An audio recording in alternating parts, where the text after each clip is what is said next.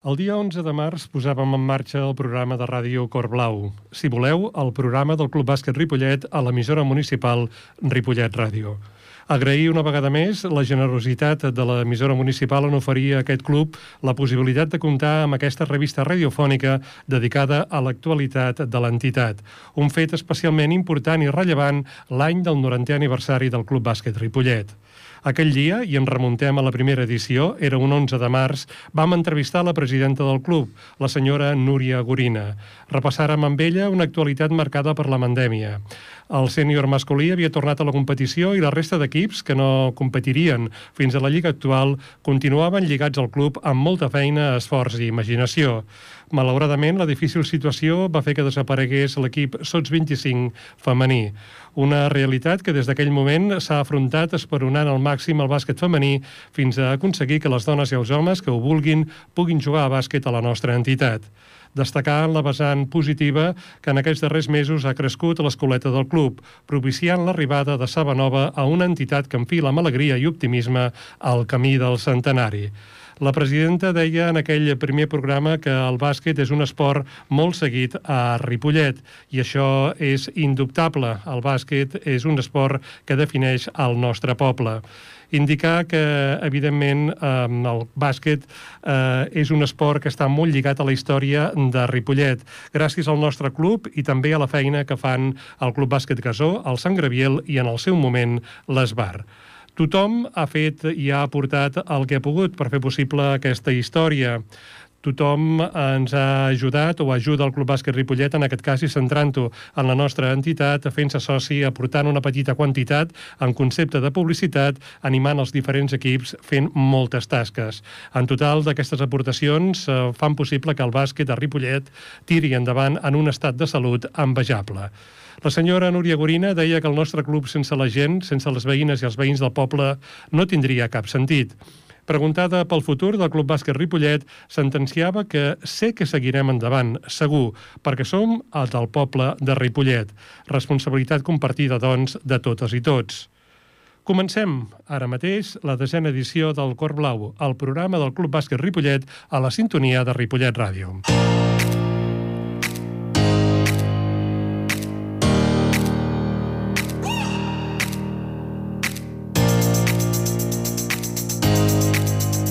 Parlarem amb Tània Lara. Ella és entrenadora del júnior femení. Ens comentarà com marxa aquest equip. De moment, els números, les xifres ens diuen, ens diuen que va prou bé. Intentarem esbrinar si realment el futur va en aquesta línia o com està, què està passant a l'interior, al background d'aquest eh, nostre equip. Tindrem la possibilitat de conversar amb en Roger Serra, que és entrenador del júnior masculí. També sabrem que els hi passa als nois que, hores d'ara, sembla que pel que fa als números a les posicions doncs, estan més avall que les noies, eh? si més no. Hi haurà la possibilitat de que en Gerard... Gerard, bona tarda. Bona tarda. Doncs uh, molt bé, espero que tu també. En Gerard... Content de ser aquí una altra vegada, eh? En Gerard es va adaptant als horaris, uh, diguéssim, del Nadal i ens pot acompanyar avui i avui ens prepara una sorpresa molt especial. Hi haurà l'oportunitat de conversar i saber com preparen la propera jornada els entrenadors del sènior femení eh, i també del sènior masculí, o el que és el mateix, l'Edgar Paradell i d'en Raül. En Raül, que ens explicarà, en Raül Jodra, com estan preparant i com veuen aquesta propera jornada. I al mateix temps valorarem com ha anat el 2021, perquè de fet eh, juguen ja o tenim dos partits a la vista i s'acaba aquest 2021 i caldrà pensar ja en el altra mm, temporada, o un altre any, temporada no, perquè continuarà, però caldrà pensar en com eh, enfocarem el que serà el 2022. Tot això i una mica més, com sempre, aquí, a Cor Blau.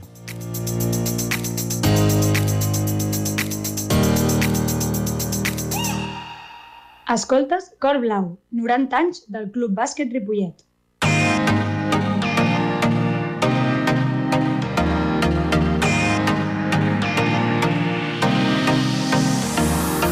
Avui coneixerem un dels equips de formació del Club Bàsquet Ripollet, el júnior femení.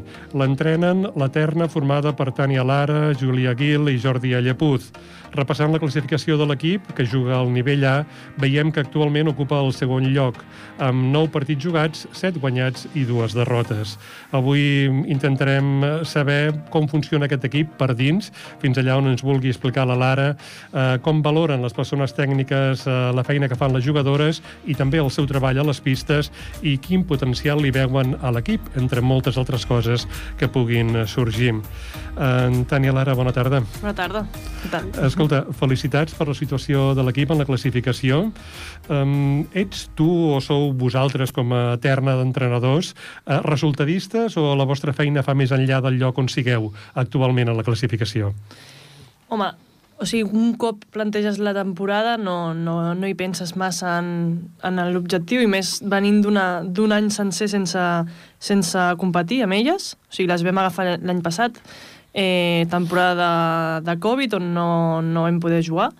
I, i un cop eh, s'acaba allò i estàs preparant algo que saps que no, no començarà mai i que començarà ja la següent temporada, penses, ok, anem a ficar-les a nivell A perquè creiem que serà possible competir, però no t'esperes... Eh, anàvem una miqueta a cegues, en aquest sentit, perquè no coneixíem molt bé encara el nivell i com després de la pandèmia hi ha hagut molts canvis i, i el, els nivells han canviat molt, no, no sabíem molt com, com aniria. Però bé, sí que és veritat que després de fer bona feina, bon, de treballar molt i de, i de tenir resultats, sí que és una manera de motivar-les a, a dia d'avui, de dir, escolta, anem segones perquè ens ho estem currant, perquè estem treballant bé, eh, hem, de, hem de seguir aquí perquè ja hem vist que després de gairebé la primera tanda de partits, la primera volta, podem fer-ho i podem, podem guanyar qualsevol equip. En aquest cas, portem dues derrotes que podrien haver sigut dues victòries més, en aquest sentit. Llavors, 50-50, diria. Molt bé. Uh, sou un equip amb un potencial ofensiu important, uh, això mirant uh, els números uh, del vostre equip, tot i que també encaixeu molts punts.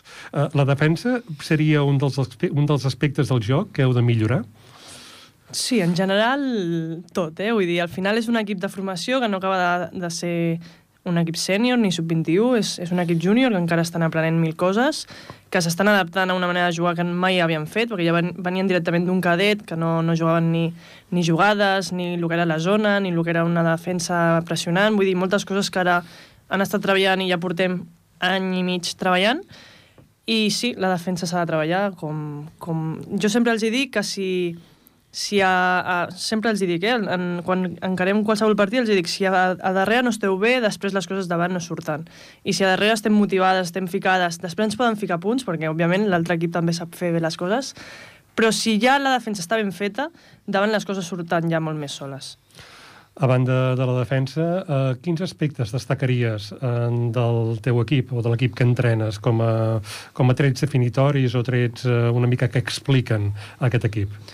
Doncs crec que, o sigui, en, en aquest sentit tenim un equip molt complet, que tenim jugadores que, que això, que mai havien jugat de, potser de 4 o de 5 o de 1, però que ràpidament s'han adaptat perquè és una que ja feien de manera natural i sobretot per les seves qualitats tècniques i tàctiques. I llavors a, jo els diria que, jo diria que això, que, que un dels aspectes que més ens caracteritza és que són, o sigui, que tot el que hi ha allò que els hi proposem nou, no els hi costa gaire pillar-ho. Òbviament, després es pot fer d'una manera millor executada o pitjor executada, però sí que és veritat que tenen un sentit del joc, d'entendre el joc o d'entendre el que els estem proposant, que això fa molt més fàcil després la feina que després fem tant el Jordi, la Júlia com jo. Uh -huh. uh, de fet, um, la planificació que teníeu prevista, uh, l'equip tècnic, uh, segueix sense problemes, vull dir que, uh, evidentment, els resultats indiquen com a mínim que les victòries van sorgint, mm però mm, allà on voleu arribar, aneu en un bon camí per aconseguir-ho? Diria que sí, que, que, que no hi ha hagut cap... Eh... Ai, perdó. Que no hi, ha, no hi ha hagut res que digui escolta, per aquí anem molt malament o anem molt retrasades en, segons el que havíem plantejat. L'única cosa que ara sí que ens ha vingut una miqueta de, de creu serien les lesions que hem tingut al darrer partit, que s'han lesionat dues jugadores per, o sigui, una, una lesió de llarga durada o mitja durada, perquè al final potser estan fora 3-4 mesos, més una altra que ja, ja hi era des del primer partit i que l'han d'operar, ara de passar per quiròfan aquest mes, que al final són tres jugadores que eren importants, que feien un, un bon paper dins de l'equip i això sí que fa plantejar-t'ho tot d'una altra manera, sí o sí. O sigui, al final eh, per un tema tant de números com del tipus de, de joc que fèiem amb aquestes jugadores i ara potser haurem de canviar alguna cosa. Pel que hem vist, doncs, eh, disposàveu de 12 fitxes, teniu mm. 12 jugadores, ara en perdeu 3 sí. per lesions. Sí. Eh, suposo que la feina del cos tècnic serà intentar eh, reestructurar les jugadores perquè es noti el menys possible sí. i potser donar oportunitats eh, mm. a jugadores que ara estan en un segon terme perquè són més mm. joves, mm. perquè tenen menys, menys experiència, però poden fer un salt eh, per endavant. Serà aquesta la feina que, o és la feina que esteu fent ja? Sí, exacte. És justament això. Al final és eh, plantejar-te una temporada on sempre entrenàvem 12, ara entrenant 9, eh, que això ja és difícil, perquè sí que és veritat que intentarem eh, poder ser 10 algun entreno amb, amb l'ajuda d'una jugadora que juga amb mi al sènior, però té fitxa de júnior, perquè té, és júnior d'edat, i en aquest sentit, eh, sí, plantejar-t'ho d'una altra manera per, per donar oportunitats i perquè jugadores que potser estaven més acomodades en un paper més secundari donin un pas endavant. Uh, Gerard, tu que també ets entrenador, suposo que el tema de les lesions, per molta previsió que tinguis, és una loteria que tant de bo no et toqui mai, però pot tocar, oh, com és el cas sí, sí. del júnior femení. Suposo que a partir d'aquí cal reestructurar-ho tot perquè es noti el menys possible aquestes lesions. Sí, sí, i a més amb la situació que va, que va tocar patir, que van ser dues lesions en el mateix partit, recordo van ser qüestió de minuts, i van ser lesions greus, que, que a part de l'afectació tècnica que fa el, a l'equip, l'afectació psicològica i moral també deu ser, deu ser gran i és una cosa que també suposo que s'ha de treballar a l'equip tècnic. Molt bé. Uh, escolta, Tània, un dels hàndicaps del Club Bàsquet Ripollet és que ara per ara uh, l'entitat només té dos equips femenins, el júnior i el sènior. Um, no sé pas uh, com ho podem solucionar. De moment, uh, l'escoleta sembla que es consolida, sí. hi ha mm, nenes i nens que van treballant tant, eh, però potser eh, caldria apostar per intentar muntar algun equip intermedi, com pot ser un Sots 21, perquè el salt de júnior cap a sènior no sigui tan gran. O sigui, jo en aquest sentit, eh, jo sent entrenadora del, del, del júnior, el que trobo a faltar és al final tenir una base, perquè al final ara, per ara, mira, ara, nosaltres ens quedem nou jugadores i no podem tirar de cap equip inferior i això, és, això, això ens mata, perquè no tenim un, un, una, un continu de jugadores que ens podrien ajudar i que podrien estar ja en dinàmica júnior. Uh, més enllà, eh, sí que és veritat que això és molt de masculí, potser no, tenir un, un júnior, sub-21, sènior... En femení, el sub-21, sub sub-25 sí que són categories que estan menys explotades o que hi ha menys nivell o menys eh, equips, no, no és tant el salt, potser. Sí que el salt potser entre un júnior nivell A i un, un sènior de, de segona o de primera catalana. Aquí sí que et diria, doncs, potser un sènior B, no?, d'una tercera, un territorial, sí que estaria molt bé, perquè ja les noies ja, ja es comencen a... O sigui, comencen a enfrontar-se a, a noies més grans i ja comencen a agafar experiència i ja estàs en un nivell de sènior. Però sí, tant cap amunt i cap avall, però jo el, el greu, i això ja se'n sap, que el greu al final és que no, no en tenim eh, base i que, que no podem agafar noies quan realment les necessitem. I a vosaltres, el júnior, us toca proveir de jugadores al sènior?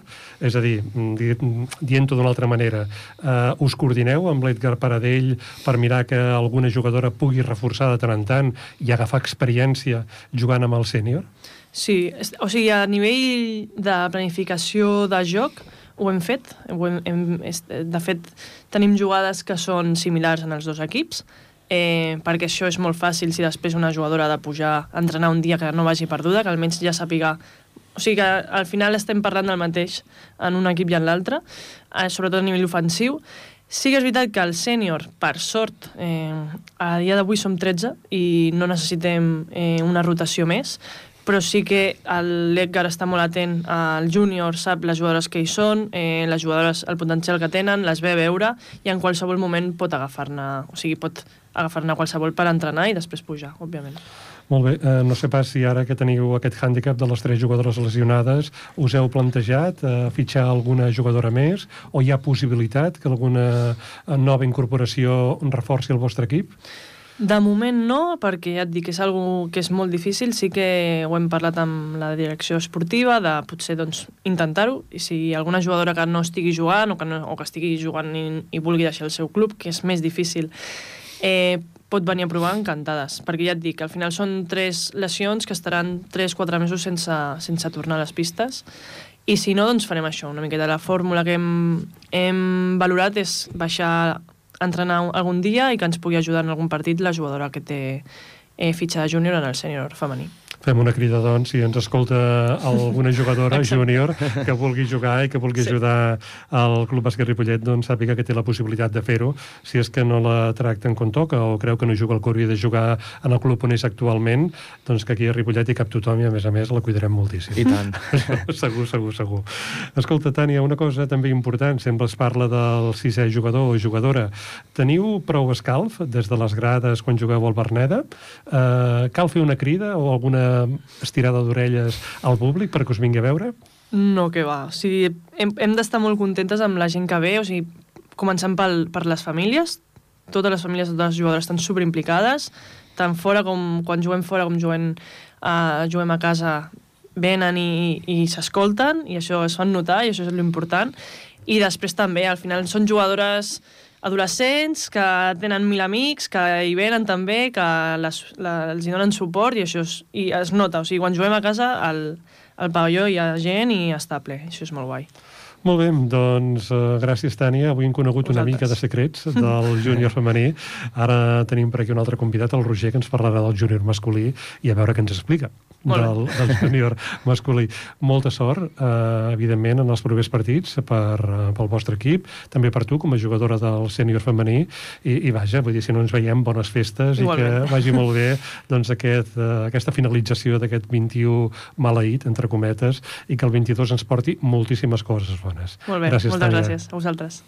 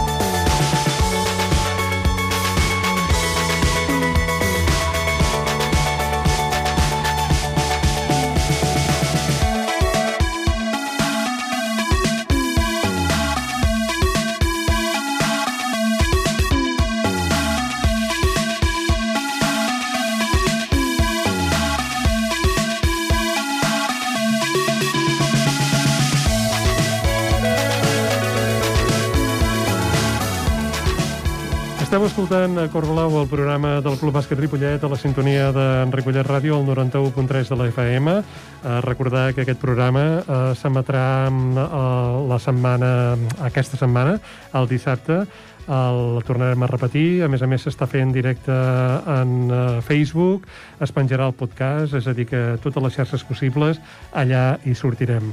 Abans de donar pas al Roger Serra i a la Laia Jiménez, bona tarda a tots dos. Bona tarda. Eh, Volem escoltar una cosa molt especial que en Gerard ha preparat, que és ni més ni menys que la carta dels desitjos del Club Bàsquet Ripollet per l'any 2022. Gerard, com vulguis. Doncs sí, eh, bona tarda a tots. Hola, Roger, hola, Laia. Eh, doncs sí, vam pensar que al ser l'últim programa de, de la temporada i ja acabant aquest 2021 havíem de preparar els desitjos del club per, al, per a l'any 2022 i bé, des del club hem volgut escriure una petita carta d'aquests desitjos per, per al pròxim any i doncs bé, anem a llegir-la, som-hi. El 2021 s'acaba. Ha estat un any de tot menys normal. Hem hagut de seguir adaptant la nostra vida a la crisi sanitària que pateix el món i, com bé sabem, no ha estat gens fàcil. Tot i així, el 2021 ha estat ple de reptes i moments inolvidables. Vam saber tirar endavant i vam engegar un projecte de retransmissions que va acabar sent reconegut per bona part del panorama del bàsquet català. Vam arribar amb el nostre primer equip masculí a una fase d'ascens a Lliga EVA i vam crear una escoleta que a dia d'avui ja compta amb dos equips. Vam tornar totes i totes a pista i vam inclús arribar a organitzar una final de la Lliga Catalana Femenina. En definitiva, aquest any hem estat més vius que mai. El 2021 també ha estat l'any del nostre 90 aniversari, i tot i que no ha estat fàcil, l'hem celebrat de la millor manera que hem pogut. I a sobre ha estat genial. Hem resumit el 2021 per demanar-li al 2022 que, com a mínim, ens deixi tornar a repetir un any tan ple de vida i, tan, i de sentiment blau. Que vinguin molts i, moltes, molts i molts moments nous, bons i dolents, que d'aquests també n'aprenem. Que hi siguem totes i tots, o inclús més, perquè la família blava és infinita i volem que ho sigui sempre. Que aquesta pandèmia, que encara ens fa patir, acabi i que el món pugui descansar una mica, que ja ens toca. Però per sobre de tot, que el 2022 estigui ple de bàsquet, que al final és el que ens mou a totes i tots que el bàsquet continuï sent un motor per al poble i que Ripollet segueixi ressonant a molts indrets de Catalunya com ho ha fet fins ara. Que tots els que tirem del carro no defallim, que sabem que és difícil, però la família blava es mereix que donem de més. Gràcies a totes aquelles persones que no han parat de treballar aquest 2021 per a que tot sortís endavant i el 2022 us assegurem que seguirem al peu del canó com fins ara. 2021, gràcies per ensenyar-nos, ja formes part de la nostra història. 2022, esperem que hagis escoltat aquest últim programa de Cor Blau i hagis pres nota. T'esperem amb moltes ganes. A totes vosaltres, gràcies per ser-hi. Bones festes a totes i tots. Ens tornarem a sentir aviat de ben segur. Molta salut i, com sempre, molt bàsquet. Llarga vida al Club Bàsquet Ripollet. Doncs molt bé, molt bé. Què us sembla, Roger, Laia? Molt, molt xulo, molt xulo. A mi m'ha agradat molt, vaja. Molt seriosa, eh? No sé si fa pel Gerard, eh? Potser el Gerard, si li hagués posat música i l'hagués no, cantat... Ens ho hem pres en sèrio, ens ho hem pres en sèrio. Molt bé, molt bé. Uh, bé, nosaltres uh, parlarem amb la Laia i amb en Gerard. El que volem fer és parlar uh, d'un altre equip de formació del Club Bàsquet Ripollet, en aquest cas del júnior masculí, que juga a nivell A. Uh, ho farem uh, destacant una mica fent l'exercici de mirar els números de l'equip a la classificació. Fins ara ha jugat uh, el júnior masculí 9 partits, n'ha guanyat 3 i ha perdut la resta. Presenta uns guarismes quasi equilibrats entre els punts a favor i els encaixats. A continuació, el que volem fer amb la Laia i amb en Roger és conèixer uh, l'estat de l'equip, veure um, com va la feina que feu, veure una mica uh, l'interior, uh, el que hi ha a la darrere botiga de l'equip i quines perspectives li veieu uh, ja pel que queda de 2021 i el que arribarà del 2022. Uh, bona tarda, Roger Laia, una altra vegada. Bona tarda. Bona tarda. Ens hem de preocupar pel lloc que ocupa actualment uh, l'equip a la classificació? No, eh, rotundament no. Eh, fent un repàs, com bé deies, eh, dels nostres resultats, eh, hem guanyat tres partits, és cert, però jo destacaria que els hem guanyat bastant còmodes. Eh, hi ha hagut una, una rotació de plantilla, tots hem jugat, hem tingut minuts, molt protagonisme. Vull dir, aquests tres partits els, descato, els destacaria perquè ha hagut un molt bon joc. Uh, I sí, és cert que hem perdut sis partits, però d'aquí el, el que podríem dir és que dos d'ells és cert que els hem perdut bastant, i han jugat malament, però bueno, sempre es pot tenir un mal dia, però la resta, els altres quatre, és cert que han estat partits d'un cara o creu del final, i sincerament estem tenint molt mala sort uh, en aquests últims segons. Uh, tinc aquí muntat un partit perdut d'un punt, un altre de dos punts, uh, un altre que anem a la pròrroga i també perdem de poc. Doncs això, jo crec que al final destacar això, que estem molt contents amb la feina que estan fent els nois i, i no, no ens hem de preocupar gens pels resultats. És a dir, Laia, que en certa manera eh, la feina que vau començar, quan va començar aquesta temporada, mm, segueix el seu camí, tal com l'havíeu previst? Sí, sí, o sigui, independentment dels resultats, al final el més important per nosaltres és que es vegi una evolució no, en equip i creiem que això s'està veient. Uh -huh. uh, ara mateix, quantes fitxes teniu a l'equip? 12. 12 fitxes, és a dir, que esteu complets. Sí, exacte. I tenim gent a totes les posicions, tenim gent polivalent que pot jugar a diverses posicions, perquè actualment el bàsquet és allò del jugador o jugadora total que pot fer o pot jugar gairebé qualsevol posició. Tenim gent a tot arreu? Sí, sí, sí, sí oh, i tant. Llàstima que, bueno, ja ho comentarem, però llàstima que ara, ara els hem recuperat tots, però fins ara ens ha costat eh, estar els 12 jugadors per tema de lesions, hem tingut molt mala sort, de genolls, de turmells, de tot. Se'ns ha lesionat de tot. Hem tingut també malalties amb el Covid, hem tingut també setmana d'exàmens, vull dir que tot se'ns ha ficat una mica en contra, eh? Molt bé. Uh, a banda de treballar físicament uh, al parquet, uh, recuperar jugadors, preparar jugades i partits, uh, també feu treball mental uh, amb l'equip perquè um, aprengui a perdre partits? Sí, sí, o sigui, tampoc sé dir-te específicament alguna activitat que fem, però sí que és veritat que a vegades que feia falta hem dedicat entrenos a pesar-nos bé i fer més pinya i no tot que sigui tècnic, no? perquè de vegades fa falta desconnectar una mica en aquest sentit i anar a l'entreno i realment passar-ho bé amb gent que són amics entre tots i tal, i així desconnectar una mica de tota la resta de la competició. Uh -huh. Aquesta és una cosa que es veu molt quan eh, hom va al Berneda i veu que juga el, qualsevol equip, eh, el sènior masculí, el femení, i del, el públic veu moltes jugadores i jugadors d'altres equips inferiors o d'altres equips de l'entitat. És a dir, que hi ha, hi ha una bona pinya. Això, això és important, Laia, no? que hi hagi bon caliu perquè la gent es trobi a gust eh, quan té algun contacte o fa alguna activitat amb el Club Bàsquet Ripollet. Sí, bueno, al final és molt, és molt familiar, jo sempre ho he dit, o sigui, el Ripollet és molt familiar, no? Sempre vas i hi ha gent i nosaltres tenim sort també que als partits del júnior ve bastanta gent a veure'ls, o sigui que en aquest punt Perfecte. que més volem? El jugador sisè, eh, sí. aquest, el públic hi és, i, i això sempre és destacable. Um, escolteu, uh, faig un exercici per veure completament um, la lliga de l'equip.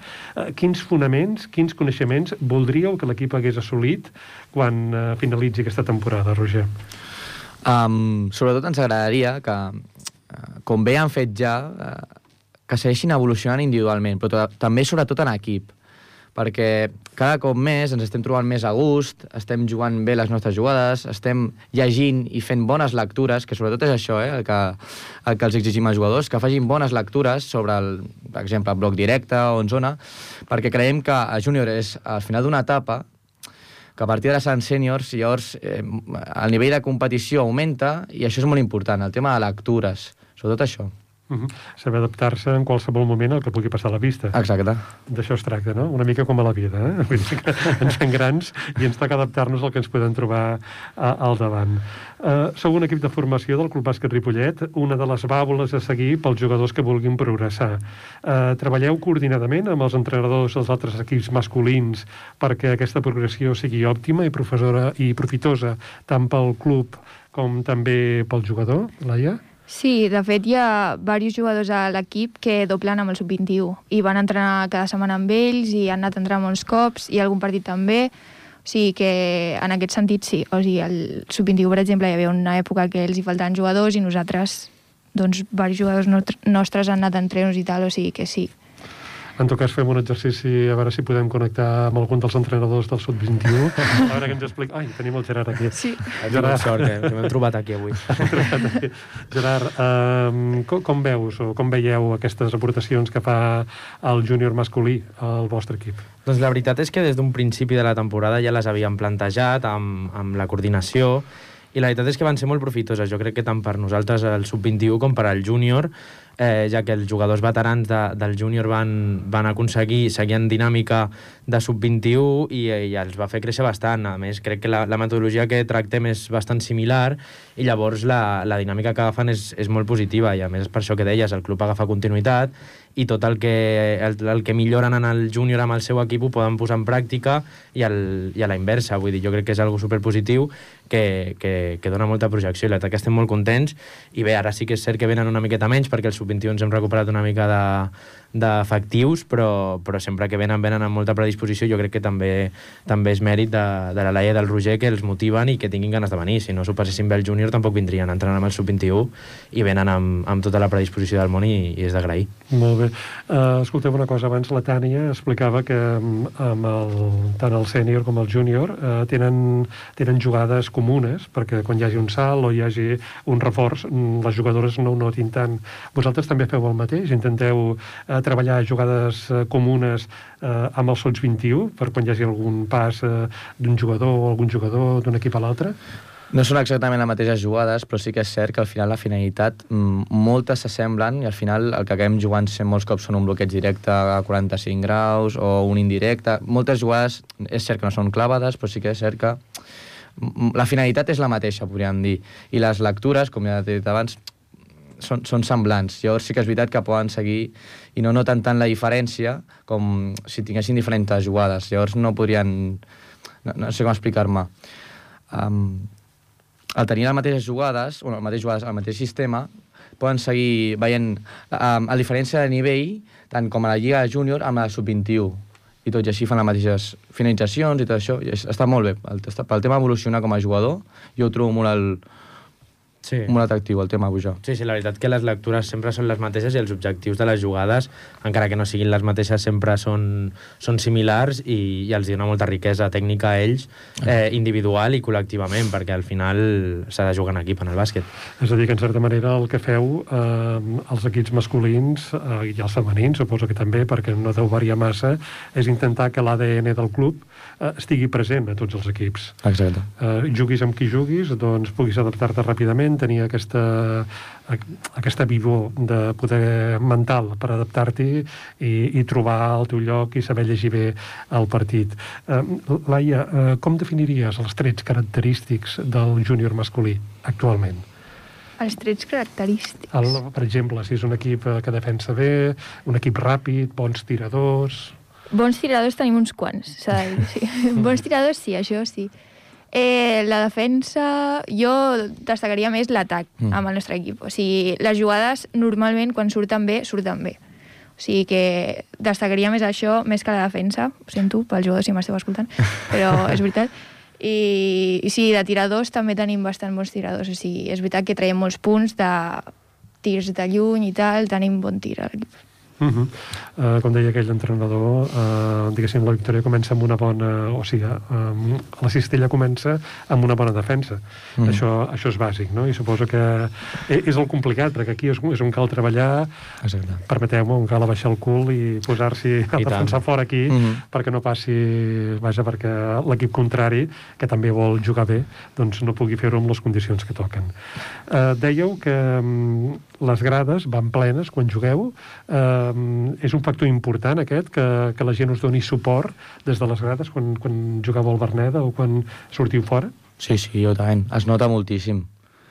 Un camp amb el, el que deies, no? el sisè jugador, les famílies, els amics, els companys de classe, que vinguin a veure i que t'animin, és molt important. I es nota molt. Sobretot quan juguem a casa ho notem molt.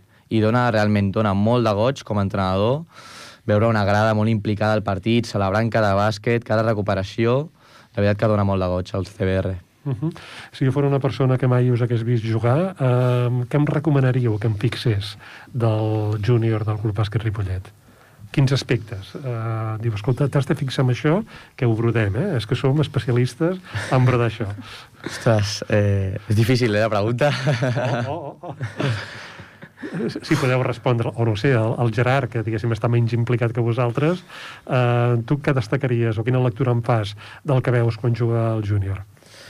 Ostres, doncs jo crec que són, són una, una pinya bastant, bastant important. Jo destacaria el, la, la relació que tenen entre ells. La, la connexió es nota, sobretot en, en els jugadors que ja porten un, un parell d'ells en el club, la, la química que tenen entre ells a l'hora de jugar. Jo crec que això és, és important eh, esportivament, però també és maco de veure pel que, pel que, pel que està a la grada sentat, veure que els jugadors s'entenen i que els jugadors tenen, tenen connexió, perquè es pot jugar tècnicament molt bé a bàsquet, però si no hi ha connexió entre els jugadors, al final queda una mica pobre.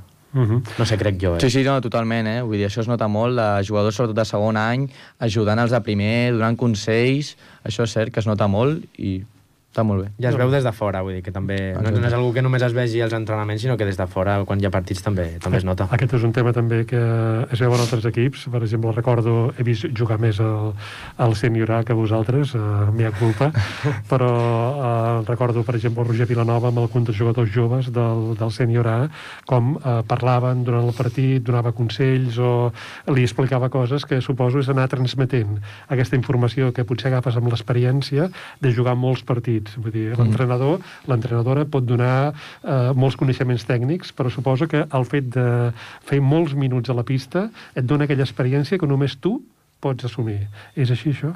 Sí, sí, sí. I també, bueno, els que són de primer any que venen del Sant Gabriel, o sigui, és el seu primer any, i han fet un canvi i al final, doncs, tenir gent amb més experiència que estigui allà i que t'ajudi i tal, doncs crec que és molt important també. És, és molt diferent eh, competir amb l'escola que competir amb el club? Sí, la veritat és que sí. I es nota també el tema d'exigència als entrenos. Ens costa de vegades eh, venir als entrenos o competir. Eh, canvia una mica, el nivell d'exigència canvia bastant. Molt bé, doncs no sé pas si voleu afegir alguna cosa més, alguna crida. Uh, nosaltres hem fet la carta dels desitjos que ha llegit en Gerard i posarem també... Doncs, si voleu que... afegeixo alguna cosa, eh? Podeu afegir alguna cosa. Però vaja, uh, la feina que esteu fent, ens dieu que ja va on pertoca, suposo que l'objectiu final és que els jugadors uh, qualli un molt bon equip, uh, hi hagi bon rotllo entre tots els jugadors i, i evidentment, que els fonaments que ja tenen es reforcin i, a més a més, uh, sàpiguen llegir el partit i sàpiguen desenvolupar-se davant de qualsevol situació que puguin trobar al parquet. Eh, nosaltres ho seguirem i, evidentment, eh, com que no sé si ens veurem o no, que tingueu molt bones festes, ho transmeteu als jugadors i, i evidentment, que aquests dos partits que queden del 2021 els guanyeu. Esperem. Si és, si és possible, si és possible. I, I, evidentment, que el 2022 sigui un any ple d'encerts per vosaltres. Moltes gràcies per venir. Vosaltres. Moltes gràcies a tu. Escoltes Cor Blau, 90 anys de Club Bàsquet Ripollet. Thank you.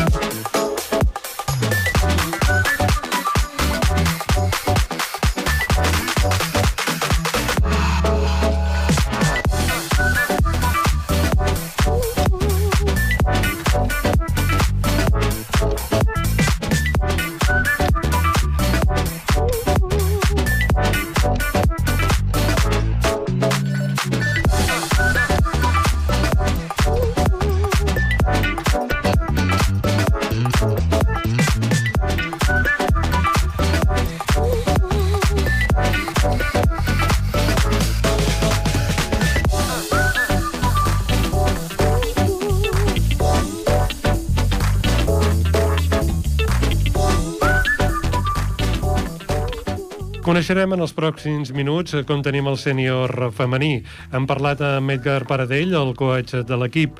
Diumenge vinent jugaran amb el femení Maresme Unió Esportiva Mataró. O el que és el mateix, les segones, les nostres jugadores, competiran amb les terceres, les maresmenques. El partit jugarà, per cert, no pas a Mataró, a Sant Andreu de Llavaneres.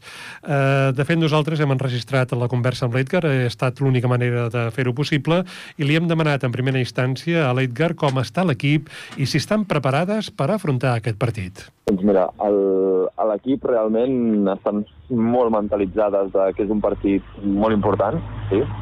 No totes les setmanes ho són, òbviament, però és un partit on jo diria que és gairebé una final o la primera final que hem tingut perquè bueno, el Maresme l'última jornada va perdre contra el Sant Quirze i això ha fet doncs, que haguéssim d'estar empatades i en el cas que aconseguíssim la victòria doncs, bueno, estaríem a dos partits de diferència i a Veraix, amb, sí que és cert, una, amb tota la segona volta, però bueno, eh, si, si seguim com ara, doncs per sort només hem perdut un partit i llavors, eh, tot i perdre'n un altre, tindríem aquest petit marge eh, de distància amb ella. Per això creiem que, que és una final i estan super preparades i portem ja des de la setmana passada preparant-lo i demà seguirem i demà passat també.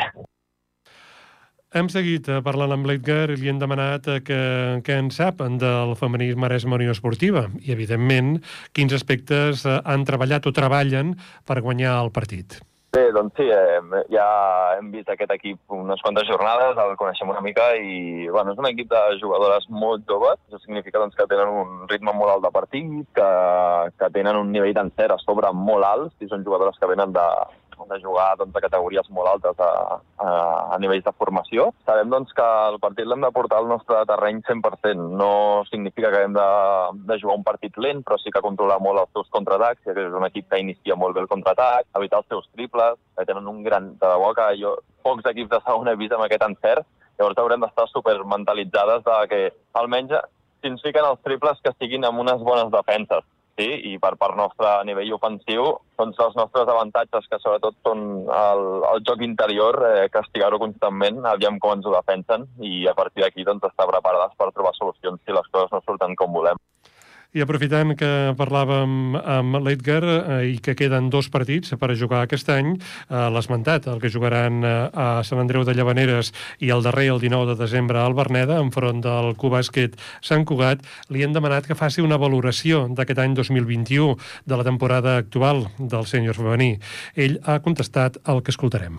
Bé, doncs, mm, així com hem anat, hem anat parlant, l'equip realment ha anat de menys a més eh, i seguim anant de menys a més. Realment, doncs, cada vegada l'equip està més còmode, entenen cada cop més la, la proposta de joc que estic mentalitzant-les des del mes d'agost, l'estan entenent jo també les estic entenent a elles també quan hi ha algunes coses que no funcionen i bueno, doncs adaptant-nos entre nosaltres hem aconseguit que cada vegada el nostre nivell de joc a nivell defensiu i ofensiu doncs sigui cada cop millor. Cada cop penso que tenim millors defenses, tant col·lectives com individuals, i a nivell ofensiu, doncs, les avantatges que pot treure cadascuna de les jugadores de l'equip sabem trobar-les amb molta més facilitat, i això doncs, ens serveix també doncs, per, per tenir més confiança i a l'hora de tenir l'encert, la confiança és el primer, ja ho saps.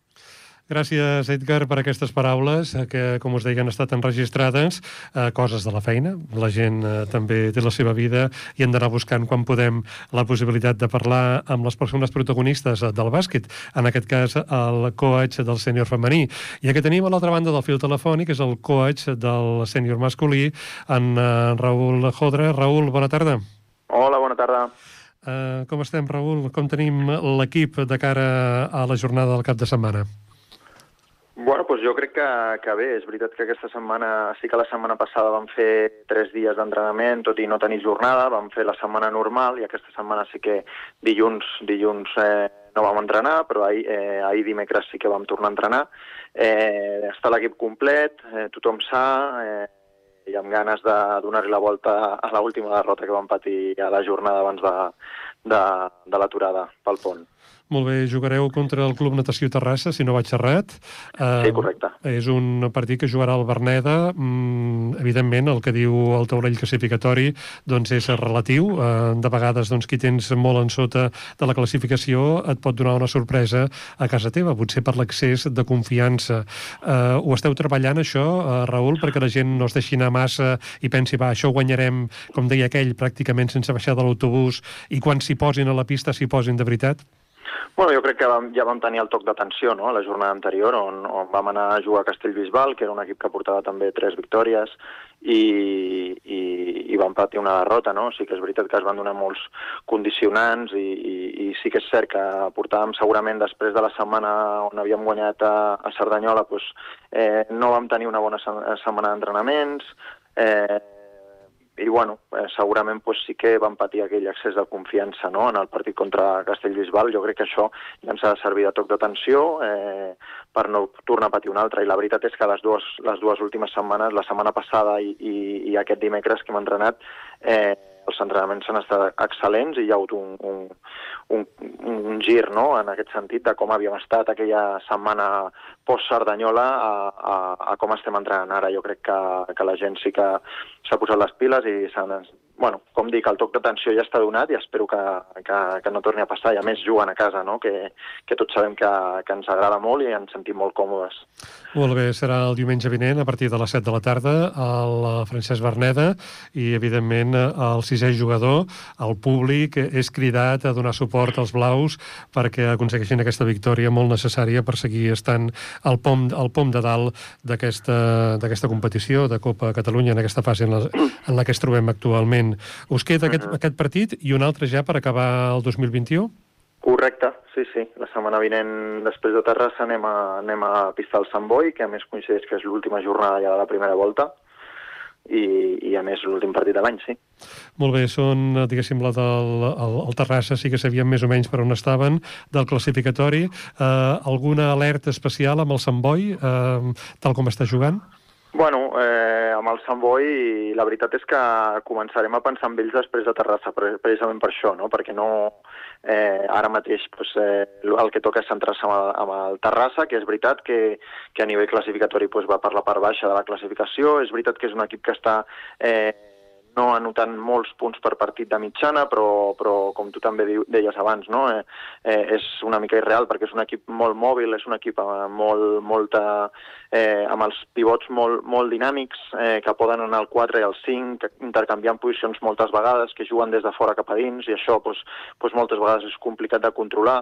Eh, i haurem d'estar molt atents amb, amb Terrassa i amb Sant Boi sí que és veritat que va començar molt fort la, molt forta la temporada, eh, que després han patit algunes derrotes eh, que segurament pues, eh, o no eren esperades o potser, o potser pues, eh, per com anaven, anaven a principi de Lliga no s'esperaven, però, però que és un equip que, que, que té molts punts també i que té jugadors eh, que, poden, que poden atacar molt bé en 1 contra 1 i grans tiradors. I això, doncs, eh, quan un equip té bons tiradors i bons jugadors 1 contra 1, dificulta molt eh, a nivell defensiu. Però, bueno, com t'he dit, eh, a Sant Boi començarem a pensar a partir de, de, de diumenge després del partit de Terrassa.